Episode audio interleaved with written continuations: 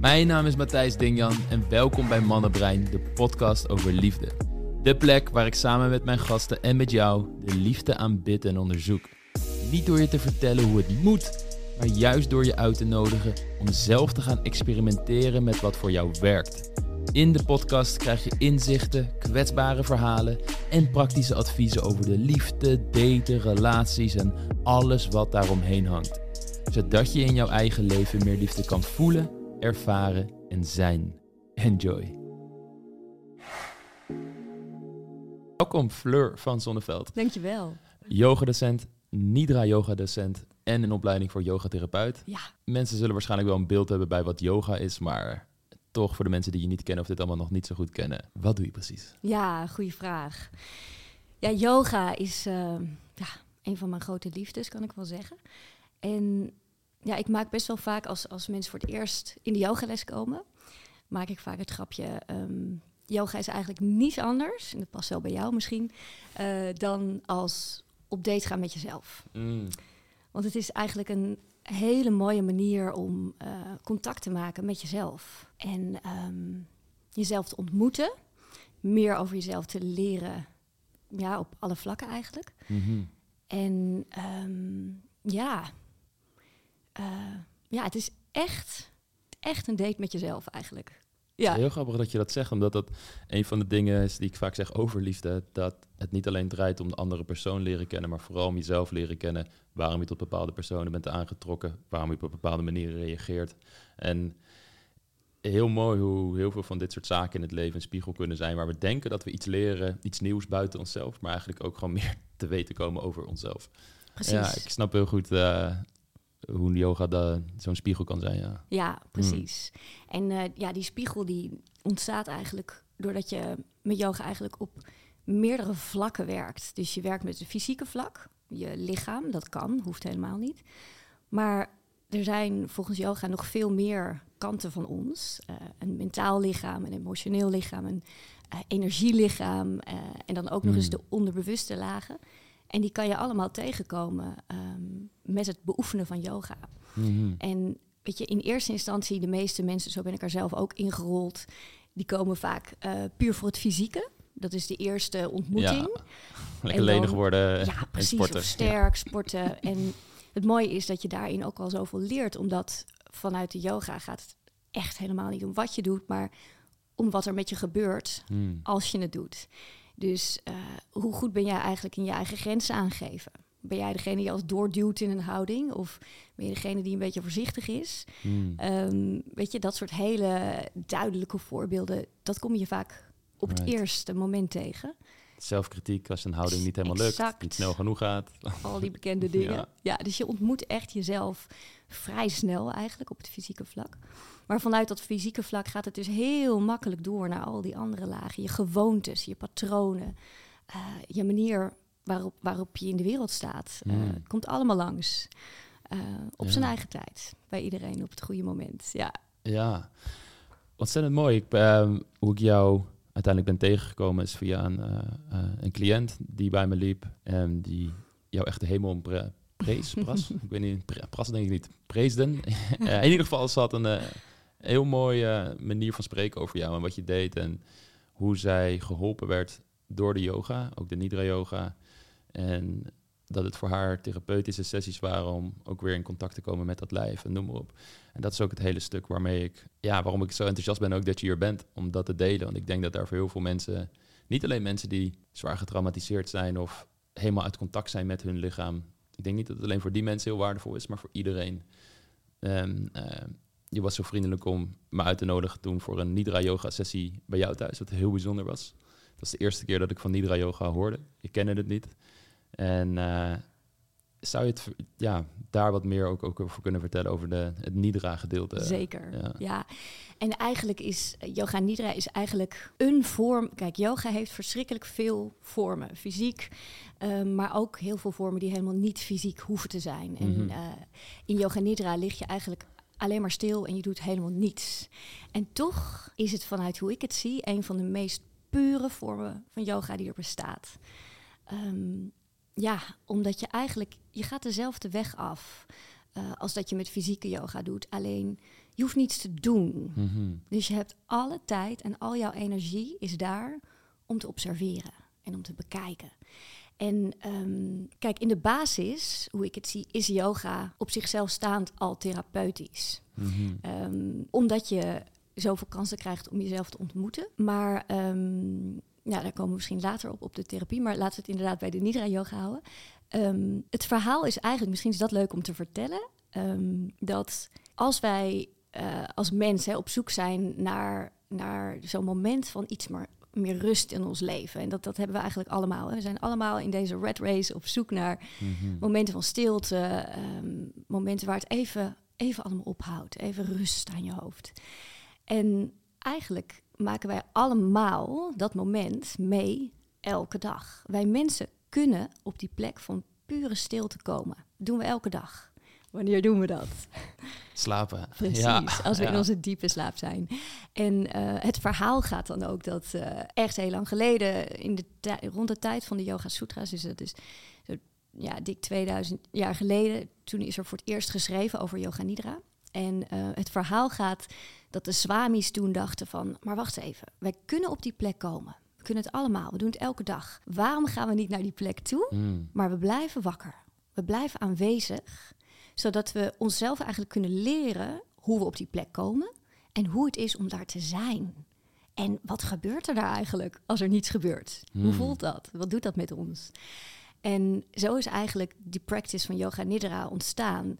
Je gaat dus eigenlijk, je legt eigenlijk dezelfde weg af als dat je doet als je gaat slapen.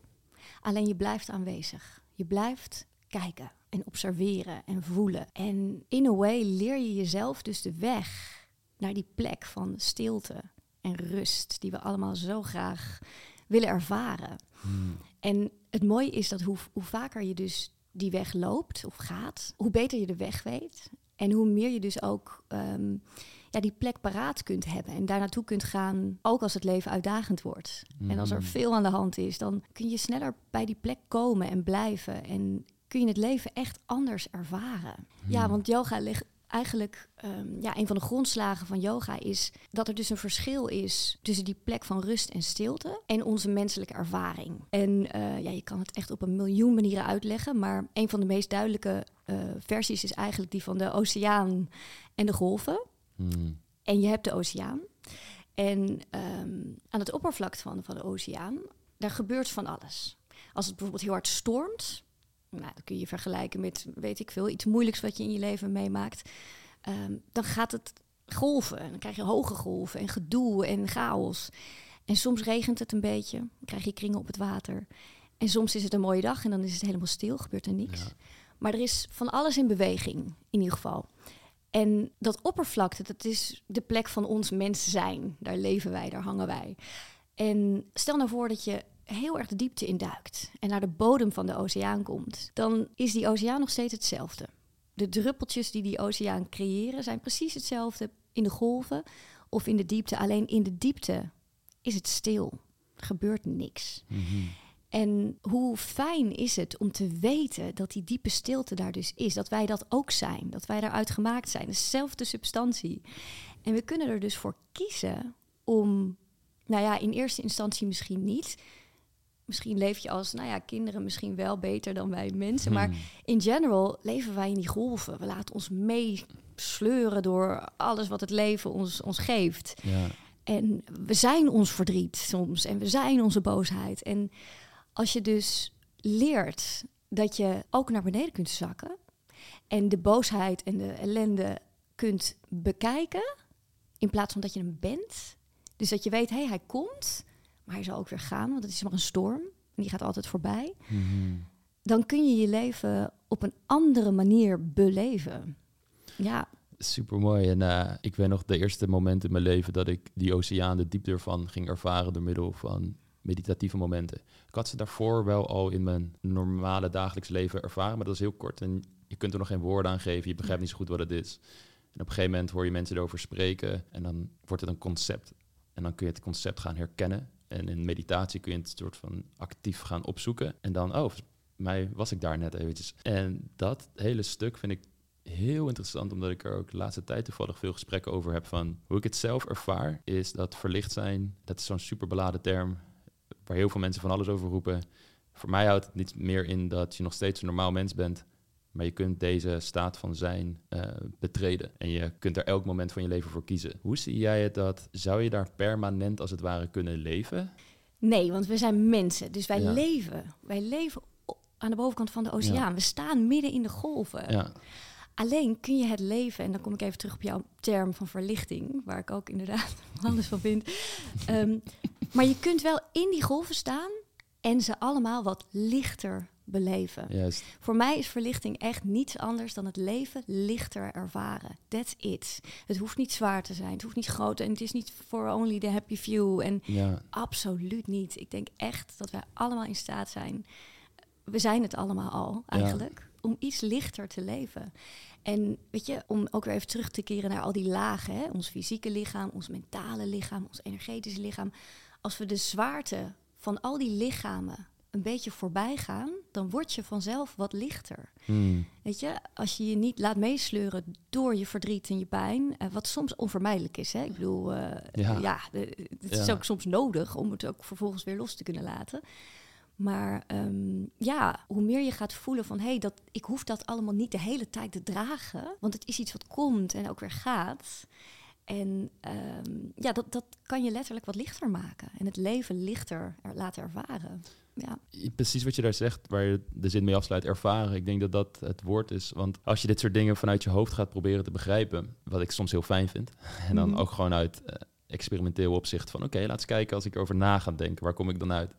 toen zat ik bijvoorbeeld te denken, ja, maar wat nou als je een soort giftig positief denken gaat toepassen, waarbij je jezelf niet meer toestaat om negatieve dingen te ervaren en het een soort escapism wordt om te doen alsof er niks aan de hand is en dat je het dus zogenaamd loslaat, maar eigenlijk onderdruk je het. Ja. Versus, je voelt het en het mag er echt zijn, maar je creëert inderdaad geen verhaal omheen dat dit heel slecht is dat dit gebeurt, waardoor je een extra laag van de ui creëert en daardoor jezelf dus zwaarder maakt en toen dacht ik, ja, dit is iets wat je niet kunt, waar je niet uit kunt denken. Dit moet je voelen. En dat is de, dat is de, hele paradox hier als het ware. Dat je dan juist die stilte in moet, omdat je het dan gaat erkennen en denkt, oh ja, kijk, nu ja. is het weten er. Ik voel dat ik dit nu zo mag ervaren en daarna los kan laten. Ik, ik blijf dat een, eh, een hele magische vinden, ja. En de, hoe ik de, de golven zelf zie, steeds meer in mijn leven en ik steeds ervaar, is dat ondanks dat je inderdaad die golven en de storm ziet, dat je nog steeds in contact staat met die diepte van de oceaan. En dat die lijn niet meer afgesneden wordt. Precies. En soms nog wel, en dan heb, maar dan heb je het door en denk je, oh wacht. En dan voel ik soms ook mijn schouders gelijk zakken, mijn ademhaling rustig worden. En ja, precies. Ja. ja, super mooi hoe je dat beschrijft. Weet je, het idee is dat alles er mag zijn. Ook vanuit de yoga-filosofie is alles is divine, alles is heilig, echt alles. Alles mhm. heeft zijn rol, heeft zijn plek. En ehm, ja, als je dat beseft, dan is het ook makkelijker om de dingen die niet fijn zijn en niet leuk zijn, ook hun, hun part te laten spelen, hun rol te laten spelen in het leven. Want alles heeft een rol. Maar zolang je weet, ja, precies wat jij zegt. En het is misschien ook wel leuk voor de luisteraars. Ehm, tenminste, ik vind dat heel leuk. Je het eruit, uh, Ja, uh, net even een iets andere omschrijving. Wat ik bijvoorbeeld met mijn zoontje doe. Dus voor de mensen die kinderen hebben, maar ook voor de mensen die dit leuk vinden om met vrienden te bespreken of met hun ouders. Ehm, want ik merk dat die generatie niet veel heeft meegekregen, maar dat wel leuk vindt ook. Mhm. Ehm, is ik, wat ik heb gedaan voor hem, ik heb een zonnetje geknipt. En dan allerlei soorten weer. Dus een hmm. donderwolk en een, uh, een lichtwolkje en een regenwolkje. En op die wolkjes heb ik van alles staan, maar dat kan je zelf invullen. Maar je kan bijvoorbeeld woede of verdriet of blijheid. En dan die wolkjes, die gaan dan voor de zon. Maar die zon is er altijd. Dus soms zit er een weer voor, soms zit er een aardbol voor. Hmm. maar die zon is er echt altijd. Hmm. Dus als jij op die manier een beetje kunt spelen met van... Ik weet dat mm. toen ik het voor het eerst met mijn zoontje deed, had ik er zo'n donderwolk voor. En toen liep hij echt rond om te kijken, ja, maar is die zon er nog? en toen, oh ja, hij is er nog. Ja, die zon is er oh, altijd. zo heerlijk onbevangen. Lekker kijken, ja. Net zoals het diepte van de oceaan. Het is hetzelfde verhaal, maar meer mm-hmm. om, om nog te benadrukken. Als je dit snapt, dan wordt het leven echt anders. Mm. Ja. ja. Wat, eh, heb ik gelijk nog een vraag voor je daarover. Want alles mag er zijn. En ik denk dat wanneer je in contact komt met die diepe bron bij jezelf, dat je ook met meer compassie naar de delen in jouzelf kunt kijken die in je schaduwkant zitten, die niet zo mooi zijn, waar je misschien uit, toch heel veel uit ego reageert. Uh, ik denk als je dat bij jezelf gaat herkennen, um, dat dat al heel veel begrip gaat opleveren op de patronen van andere mensen en je daardoor bijvoorbeeld minder persoonlijk gaat nemen. Dat is iets wat ik heel erg merk. Tegelijkertijd is er ook zoiets van jouw energie beschermen. Dus mhm. ondanks dat er dingen mogen zijn en dat je ze kan begrijpen, is er ook een punt dat je jezelf wel weer een grens moet stellen. Als iemand bijvoorbeeld naar je toe komt met gedragingen waar je van zegt: Oké, dit gaat echt te ver. En ik kan zien waar je vandaan komt en ik kan er lief voor hebben. En ik zie dat jij dit waarschijnlijk zo ziet. En ik ontken jouw realiteit niet. Maar mijn realiteit merk ik dat als ik probeer het echt te doorvoelen. En ik voel voor, voor, mijn gevoel dat ik niet voor de gek gehouden word door mijn of wat dan ook. Dus ik heb die self-research gedaan. Toch merk ik dat ja, jij jouw realiteit heb je daarin geloofd. Hoe, hoe zie jij dat? Hoe zou je dan... Want je wilt de ander er laten zijn en zijn realiteit beginnen. Maar tegelijkertijd je grens aangeven. Omdat je ook, als je bij jezelf merkt dat iets echt veel oproept en je bespreekt het met andere mensen en je komt er redelijk achter van ja, het zijn geen triggers waar ik uit reageer of een soort vals zelfbeeld dat ik probeer te beschermen. Ik doorvoel het echt. Maar het, is gewoon, het klopt gewoon niet wat die andere persoon over mijn realiteit zegt. Hoe, hoe zie je dat? Ja, uh, daar wat het eerste wat in mij opkomt is een vraag die ik mezelf best wel vaak stel, elke dag misschien wel een keer. Hmm. Is echt heel simpel de vraag van, is dit van mij? Want inderdaad, wat jij zegt, je eigen schaduwkanten. Ik ben ervan overtuigd. Hmm. Dus vanuit die filosofie van alles heeft een doel. Al jouw schaduwkanten, al jouw eigenschappen die misschien niet wenselijk zijn, die hebben eigenlijk een, een deugd. Een, een, weet je, achter alles zit iets. Ja. Het heeft je willen beschermen. Het, het, is er geweest voor jou op een moment dat het nodig was. En dient misschien nu niet meer, maar het is nog blijven hangen. Dus van jezelf, uh, hoe meer je dus ook de donkere delen kunt zien als iets liefs en iets moois, kun je er ook mee aan de gang. Maar bij een ander moment, mens is dat het is niet van jou. Dus je zult daar nooit bij kunnen komen. En op het moment dat je dus merkt van, goh, um, ik wil jou begrijpen. En weet je, in wezen, je kunt het niet begrijpen. Je kunt mhm. natuurlijk, uh, empathie en, en begrip is extreem belangrijk. En hoe meer je aan jezelf werkt, hoe meer je dat voor anderen kunt zien en voelen. En in een relatie is dat denk ik ook heel erg hard nodig. En dat je ook op, absoluut nieuwsgierig en geïnteresseerd bent in die ander. Maar je kunt daar maar tot op zekere hoogte bij komen. Want dat is het pad van die ander. En mhm. dat zijn de dingen die diegene aan moet gaan. En uh, op het moment dat zijn proces jou schaadt, is er een grens. Ja. En dan mag jij zeggen: hé, hey, wacht even. Is dit van mij? En dit is echt een magische zin. Je kunt hem op heel veel momenten, als er iemand iets tegen je schreeuwt of er gebeurt iets wat je voelt in je lijf, van, gewoon, wacht even, is dit van mij?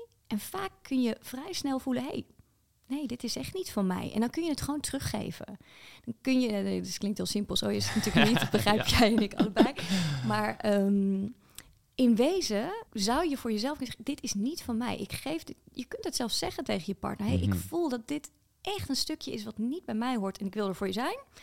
Als je het aangaat en alles, maar het is niet van mij. Dus ik geef hier wel mijn grens aan. Ik wil naar je luisteren, ik wil je horen, ik ben er, maar dit is van jou. En dit is precies het punt waar het voor veel mensen heel moeilijk wordt om aan te voelen of ze om aan te voelen van oké, wat de ander doet schaadt mij en dat heeft niks te maken met dat ik mijn ego probeer te verdedigen of dat er echt iets mis met mij is. Maar dat is echt inderdaad van de ander. Omdat ze zelf niet goed kunnen invoelen. Want zoals je al zelf zegt, je voelt dat. Je gaat echt voelen bij jezelf van, oh ja, nee, dat is echt van de ander.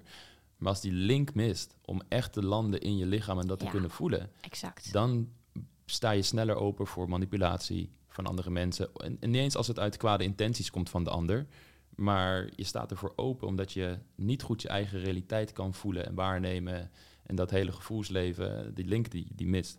En dat is ook het, het stuk wat ik helaas veel zie bij mensen die in relaties terechtkomen, waarbij ze soms emotioneel, mentaal, fysiek mishandeld worden, is dat er hier die connectie, niet lang niet allemaal, het is zeker niet zo dat het bij iedereen is, maar bij veel gevallen zie ik dat de mensen in die relatie al geschaad waren, uit copingmechanismes niet wilden voeden in het lijf en daardoor sneller, makkelijker gemanipuleerd kunnen worden door gaslighting, allerlei van dat soort termen. Want ze hebben, staan niet zo goed in contact met die eigen realiteit. En dan zit je een slippery slope, want dan wordt, ga je alleen maar meer uit je lichaam, gaat meer betwijfelen, minder voeden. En altijd wat, wat ik hoor van mensen die uit die relatie zijn gestapt, is dat er een punt komt dat ze echt in hun kern voelen van, nee, maar dit klopt niet. dit, dit klopt gewoon niet. Dit gaat nu zo ver in tegen alles wat ik gewoon ervaar. En dat ze toch nog eventjes contact kunnen maken met hun gevoel. Dat dat vaak het punt is dat ze eruit kunnen stappen. Waardoor ik het ook zo cruciaal vind voor mensen om echt in contact te komen met hun lichaam. Ehm, en ondanks dat ik geen zware trauma's heb gehad of wat dan ook, is dat voor mij ook gewoon een proces geweest. Want ik denk dat dat voor iedereen zo is. Eh, en waar we het straks ook zeker nog over kunnen hebben waarom uh, dat het geval is. Nou, ik ben heel erg benieuwd hoe, hoe jouw visie daarop ja, nee, prachtig wat je zegt. En inderdaad, weet je, dat, dit is waarom ik yoga zo'n waanzinnige practice vind. Omdat het brengt je bij jezelf. Hmm. Het, al die dingen die je dus um, gedurende je leven, met alle ervaringen die je hebt gehad... Weet je, alles wat je ervaart, laat iets achter in je lijf. En maakt jou tot degene wie je bent. Creëert bepaalde patroontjes in je, in je hersenen zelfs. En um, yoga is een prachtige manier om dat contact met jezelf weer terug te vinden. En dat begint vaak al puur bij wat jij ook heel mooi benoemt. Voelen. Heel veel mensen vinden het heel erg lastig om te voelen. Mm Gewoon in eerste instantie hun eigen lijf. Hey, kan ik eigenlijk mijn voeten voelen? Het zijn mijn voeten. Daar loop ik de hele dag op. Die dragen mij. Ja. Al zoveel jaar. Maar hoe gaat het eigenlijk met ze? Zijn ze moe? Zijn ze stijf? Hoe voelen ze eigenlijk? En daar begint het al. En um, hoe meer jij leert voelen, en dat is het makkelijkst met het fysieke lichaam, want dat is gewoon heel tastbaar. Maar ook op diepere lagen, gewoon sensaties. Als ik uh, aan een bepaalde ervaring denk, waar, waar voel ik dat in mijn lijf? Gebeurt er dan iets met me? En um, precies wat jij zegt, alleen als jij echt goed in contact kan zijn met jezelf, kan je in een relatie ook heel duidelijk voelen van waar je staat en waar, wat je wel wil, wat je niet wil, wat je fijn vindt überhaupt, wat je niet mhm. fijn vindt. En als je over jezelf geen duidelijk zelfbeeld hebt, dan wordt dat super blurry. Mhm. Alleen al in een gewone relatie, denk ik. Uh, ja. Zelfs al heb je geen manipulativiteit of dat soort zaken. Absoluut. Alleen dan al ga je elkaar spiegelen en, en verlies jezelf een beetje. En Absoluut. Een beetje is oké, maar als je maar weer terug kan komen naar, ja. oké, wacht even, hier ben ik, dit wil ik. Ja, ja. en yoga is fantastisch. Het, ja, en het interessante is dat dit soort dingen dus, nou, je noemde net dat bepaalde teksten al 2000 jaar oud zijn. En nou, sommige dingen gaan natuurlijk nog veel verder terug. Maar dat nu de wetenschap een inhaalslag aan het maken is en dat voor het rationele brein, die ook de informatie beschikbaar wordt, waardoor mensen het zien in hersenscans, uh, wat de effecten van yoga zijn. Ja. Um, hartritme, variabiliteit, uh, variabiliteit, uh, dat ze dat soort dingen kunnen meten. Dus dat is het, het systeem wat bijvoorbeeld je parasympathische en je sympathische autonome zenuwstelsel reguleert en dat dat in balans komt. Ja, het zijn allemaal termen, het doet er verder niet per se toe voor gewoon de mensen die er luisteren, maar waar het vooral om gaat is dat de effecten nu echt zwart op wit ook voor ons lekkere westerse rationele brein gewoon op papier staan. En uh, dat is denk ik zo'n groot goed. Zeker. Ja. En daar zijn ook heel veel simpele voorbeelden van te geven. Bijvoorbeeld als je kijkt naar het chakra-systeem, wat best wel een beetje esoterisch is natuurlijk ja. en vaag. Maar dat zijn allemaal punten en die zitten op de wervelkolom. Precies op de mm. plekken waar belangrijke klieren zitten. En wat zit er nog meer op onze wervelkolom? Ons centraal zenuwstelsel. Mm. En die chakra's die gaan over... Uh, elk, elk chakra gaat over een deel van onszelf. En samen vormen ze ons hele lichaam.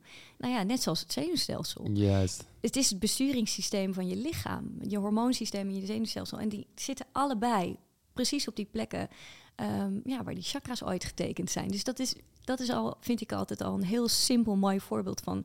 Ja, we're talking about the same thing. Uh, en hoe mooi dat dat allemaal onderzocht wordt. En weet je, ook voor de mensen die misschien ja, dat moeilijk vinden als het niet bewezen is. Nou ja, bring it on, bewijs het maar. Want dan is yoga echt voor iedereen. Ja, absoluut. Dat is te gek. En hoeveel dingen er wel niet in het onderbewuste weg kunnen uh, gestopt worden. Dus een verhaal, uh, we hadden het ook eventjes over Bessel van de Kolk voor de podcast. Prachtig boek geschreven, Traumasporen in het Nederlands. En in een van zijn hoofdstukken haalt hij yoga ook aan, juist als een manier om in dat lichaam te landen. Maar wat hij heel mooi doet, ook voor de leek zoals ik, ik ben absoluut geen expert op dit gebied, legt hij heel mooi uit hoe die hoe dit eigenlijk werkt in het brein. En puur voor de luisteraars, oké, hij, zegt het zo, je kunt het zo zien. Alle zintuigelijke informatie wordt verzameld door de, de thalamus, een gebied in het brein. En die kun je zien als een soort van kok die een maaltijd bereidt van al die zintuigelijke informatie. Dat wordt opgeslagen. En stel er gebeurt iets ergs. En uh, een ander boek van Bruce Lipton? Perry, nee, Perry is ook een ja. trauma-expert. Die beschreef het verhaal van een jongen die mishandeld werd door zijn vader. En toen de hele tijd herbeleving had van zijn trauma, later nu al, al uit huis was geplaatst, bij een bepaalde leraar. De hele tijd. Wat bleek, had een bepaalde geur, Ja. die leraar, dezelfde deodorant, die zijn vader gebruikte. En dat is opgeslagen in het onderbewuste. Dat triggerde een angstreactie bij hem, fight or flight. Ja, hoe komt dat? Omdat die thalamus, oké, die slaat die informatie op. Stel je zit in de traumatische ervaring, gaat het naar de amygdala. Die slaat weer op in de hippocampus, in je geheugensysteem. En jij koppelt die geur van je vaders deodorant, dat deed die jongen, aan de mishandeling. En dat wordt opgeslagen.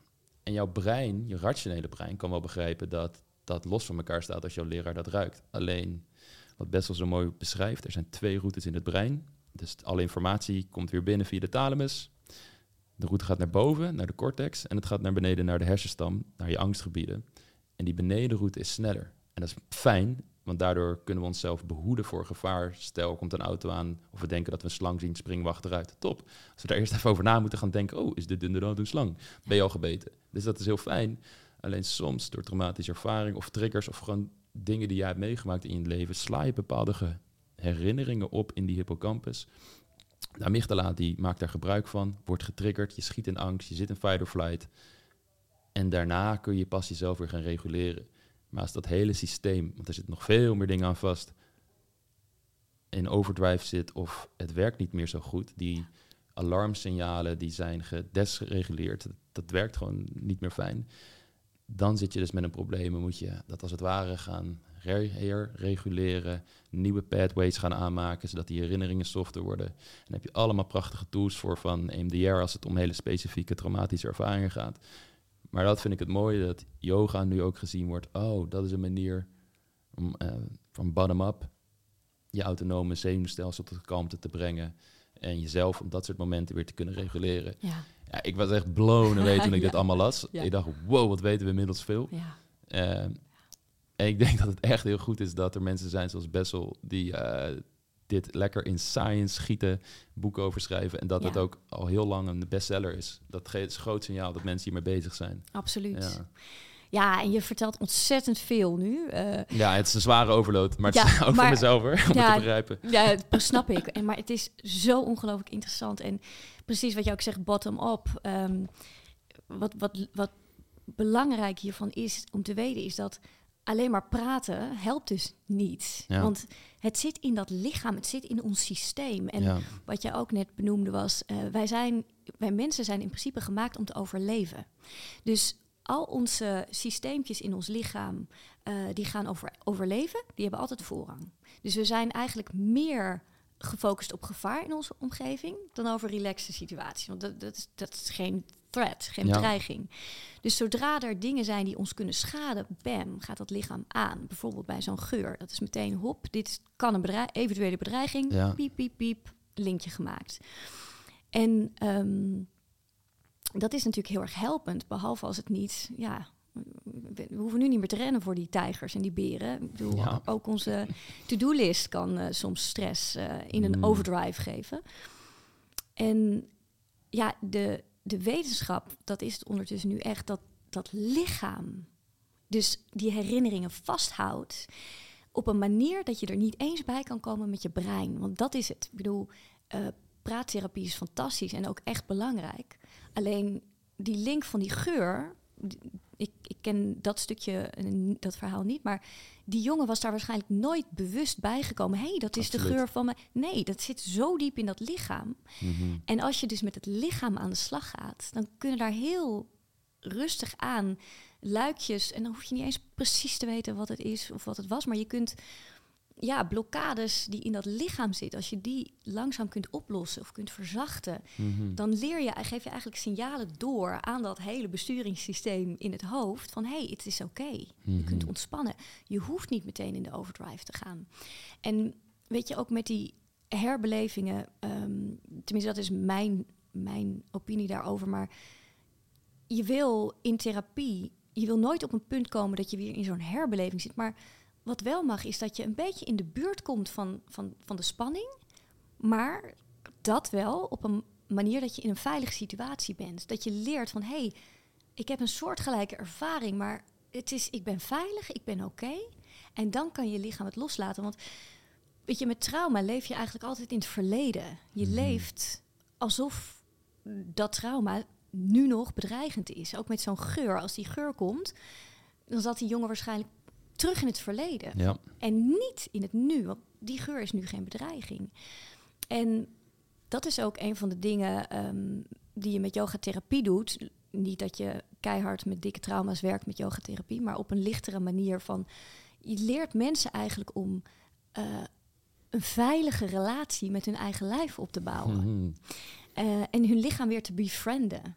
Want weet je, vaak als er dingen aan de hand zijn, of dat nou trauma is, of een ziekte, of eh, een hernia, of, eh, of een emotioneel probleem.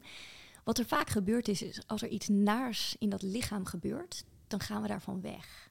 Mhm. En dan wordt dat alleen maar stijver en strakker. En dan bouwt er zo'n ja, trauma op, of granti in, in yoga wordt dat genoemd, een energy knot. Mhm. Een herinnering, traumaspoor, hoe je het ook wilt no- noemen. Ja. En op het moment dat jij eigenlijk gaat ervaren van hé, hey, ik kan met mijn lichaam ook een fijne ervaring hebben, los van mijn ziekte, los van mijn trauma.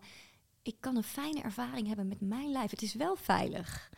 En dat heel langzaam en voorzichtig opbouwt, ja, dan kom je op een plek dat je weer langzaamaan een veilige relatie met jezelf kunt creëren. Je goed voelt in je eigen lijf. En eh, ja, op die manier ook op een gegeven moment weer bepaalde geuren kunt ruiken. En Ja. denken, hé, hey, het is oké. ja, I'm safe. misschien zelfs een lekkere deodorant. Ik ga hem ook halen. Ja, Ja. precies. Wat is een veilige relatie met jezelf en met je lichaam? Hoe land je in je lichaam? Wat Ja, dat is een hele goede vraag. Nou, ik denk dat op het moment dat je niet veilig bent met jezelf, dan word je eigenlijk, kan je bijvoorbeeld overgeleverd worden aan al die triggers.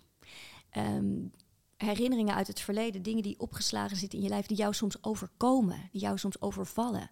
Dus de momenten dat, je, dat er eigenlijk iets heel kleins gebeurt en je reageert ineens heel heftig. En dan word je eigenlijk geleefd door herinneringen van het verleden. Mhm. En dan ben je dus niet in control, want je laat je eigenlijk, je reageert, jij reageert niet, maar je trauma reageert, of je herinnering reageert. Of ehm, de, jouw kleine ik eh, van tien jaar, die toen wel bedreigd werd door dezelfde situatie, die reageert. Maar niet jij, je essentie. Mm. En op het moment dat je dus kunt gaan zien, als je in een situatie bent, dat je kunt zien, hé, hey, dit, is helemaal, dit is helemaal geen bedreiging. Dit is iets wat er nu gebeurt. Hé, hey, dit is niet van mij bijvoorbeeld. Of Mm. hey, hoe dichter je bij jezelf komt, hoe meer je goed kan inschatten wat er eigenlijk gebeurt en hoe bedreigend het eigenlijk is. En ja, hoe meer je dat weet, hoe veiliger je dus bent met jezelf. Dus eigenlijk hoe Mm. beter je voor jezelf kunt zorgen. Mhm. Ja, Ja, hoe meer je geleefd wordt door je omgeving en hoe meer jij zelf eigenlijk in charge bent. Omdat je dus jezelf ook kunt vertrouwen. mhm. Ja, Hoe is, hoe is deze hele reis voor jouzelf geweest? Eh, als in, je me vertelt dat je met dansopleiding bent begonnen. Uiteindelijk ben je naar de yoga gegaan. Daar werd je verliefd op, als het ware. En toen is dit zo helemaal... We- weet je nog ja, hoe, de momenten dat dit echt voor jou begon te klikken? ja. Nou, ik ben inderdaad eerst puur vanuit fysiek. Want eh, ik merkte toen ik nog danste dat er collega's om me heen. die ehm, dan, weet je, als danser heb je niet zo'n lange carrière. Dus dan hield het in één keer op en dan was er zo'n gat. En ik dacht, dat wil ik nooit. Dus ik ben vrij snel gaan zoeken naar eerst ben ik Pilatesles gaan geven. Mm. Vond Pilates wel leuk, maar ik dacht, ja, ik, ik heb iets meer nodig, Ja. iets meer diepgang.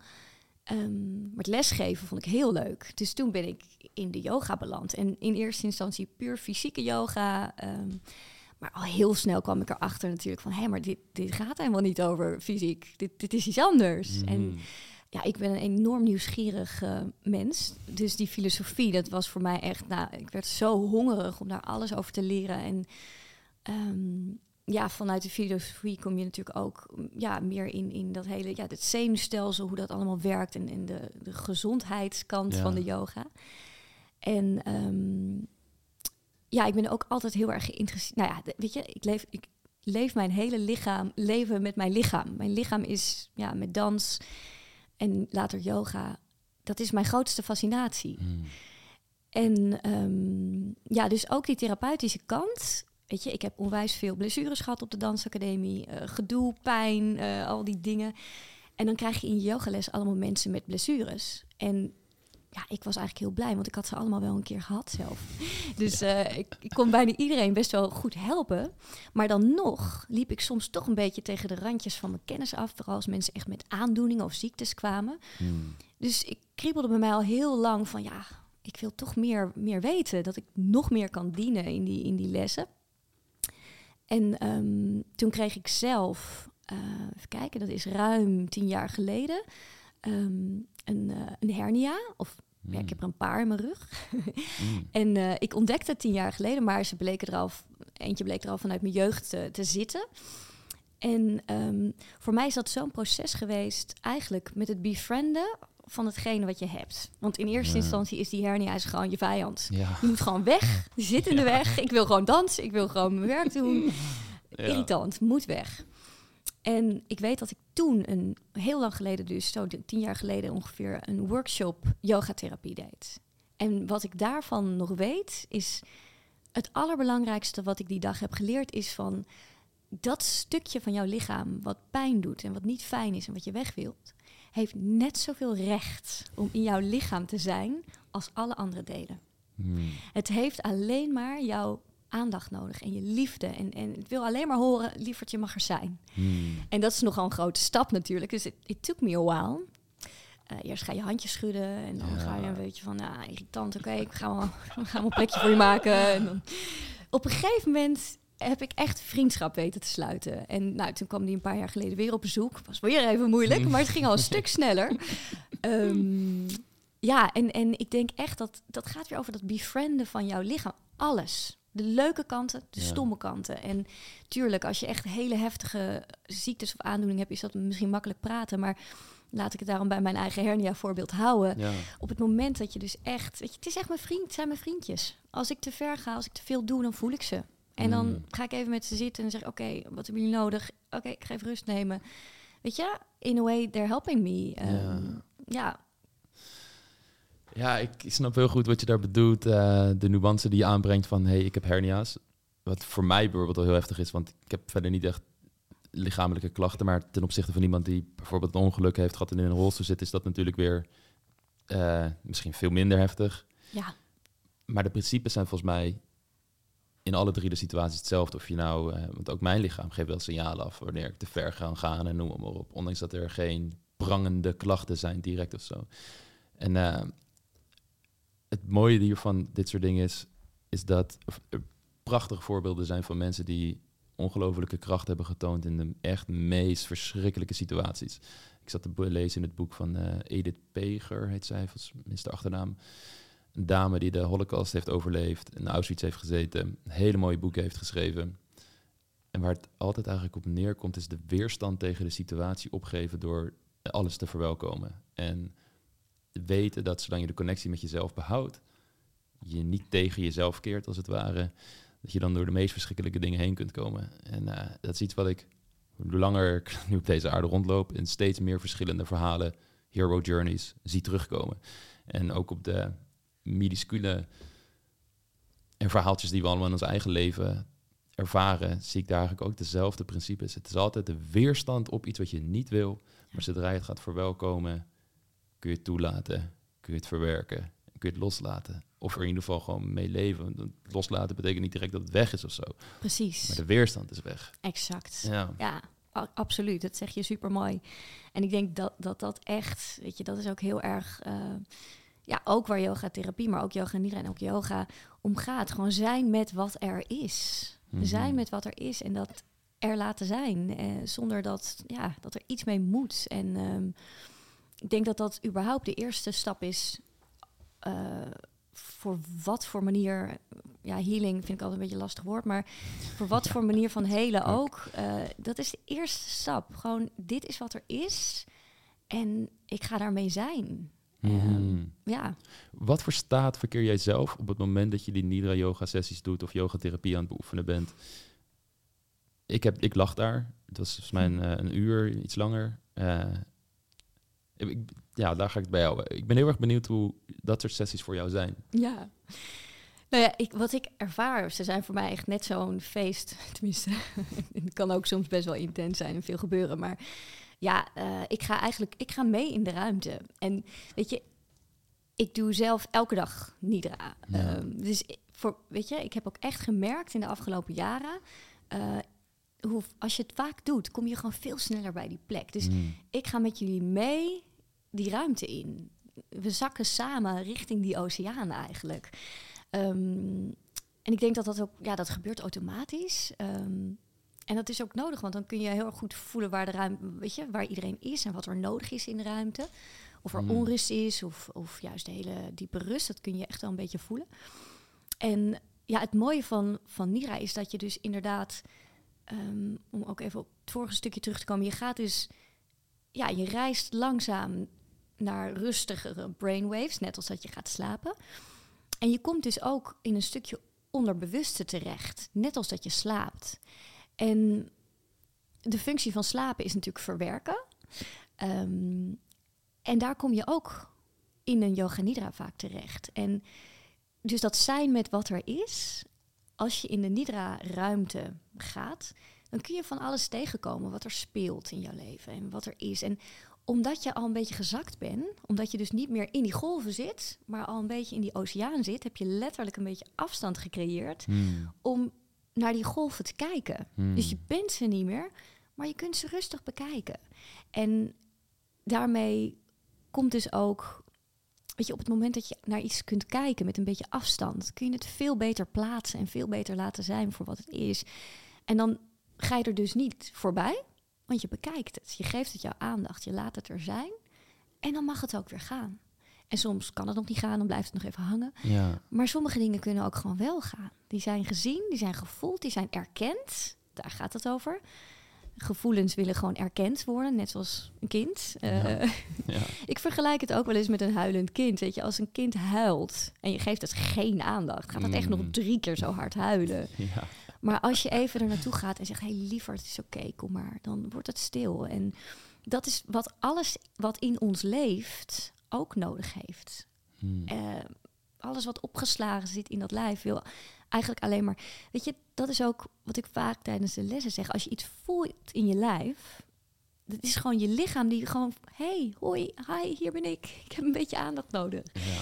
En onze eerste reactie is misschien ervan weggaan als iets pijn doet of niet fijn voelt. Maar eigenlijk wil je er gewoon, als het kan, hè, als het veilig is, gewoon even naartoe gaan. Er even mee zijn en ermee ademen. Ja. En het er laten zijn. En vaak lossen sensaties dan op. Of weet je, herinneringen. We hebben allemaal die loopjes van dat er iets is gebeurd in je leven wat je maar niet kan loslaten, wat maar blijft hangen en dan komt dan weer terug. En vaak als je er gewoon even naartoe gaat en echt even oprecht gaat luisteren, hé, hey, wat is daar nou gebeurd? Dan kan het ook weer gaan, Mhm. want dan is het gehoord. Ja. En dat is Ja. ja. wat je met zowel yoga als yoga nidra als yogatherapie eigenlijk doet. Ja. Zie jij jezelf ervaart. als iemand die dan die oceaan biedt en daarmee een soort staattransfer kan leveren voor als iemand het moeilijk vindt ook om daar te komen? Ze doen het altijd zelf, zeker. Absoluut. Maar dat er een soort co-regulatie plaatsvindt, dat ze jouw energie als het ware voelen. Eh, en ook daar zijn weer hele interessante studies op. Want dit klinkt natuurlijk vooral voor mensen die denken, energie voelen, waar heb je het over? Maar er zijn nu interessante studies die laten zien dat als iemand, als je twee mensen naast elkaar in de auto zit, dat eh, die hartritme, variabiliteit zich aan elkaar gaan aanpassen. En dat dat gaat matchen. Dus dat, ja, De mirror neurons. Wauw. Ja, dus heel veel van dit soort dingen die vroeger weggezet zouden kunnen worden als zweverig. Of Ja. van ja, dat kan je niet bewijzen, worden nu bewezen.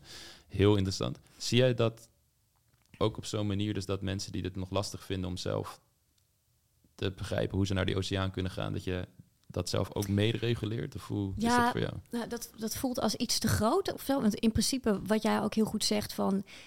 De cliënt doet het echt altijd zelf. En het Mhm. enige wat je als yogadocent of therapeut biedt... is een veilige ruimte Ja, waarin iemand zichzelf rustig aan kan gaan ontmoeten. ja, En waarin iemand eigenlijk alle ruimte krijgt om, om ja, een, een fijne ervaring met zichzelf te hebben. Dat is het eigenlijk. En kijk, als ehm, docent of therapeut is het natuurlijk wel heel belangrijk dat jij ook die veilige ruimte kunt creëren. ja. En die kun je alleen maar creëren als jij, tenminste, ja, ik, ik voel wel, ehm, als ik een sessie inga, wat voor sessie het dan ook is, neem ik altijd wel een moment om mezelf te laten zakken Heel in die herkenbaar, ja. oceaan. Absoluut. It's a necessity Ja. voor mij.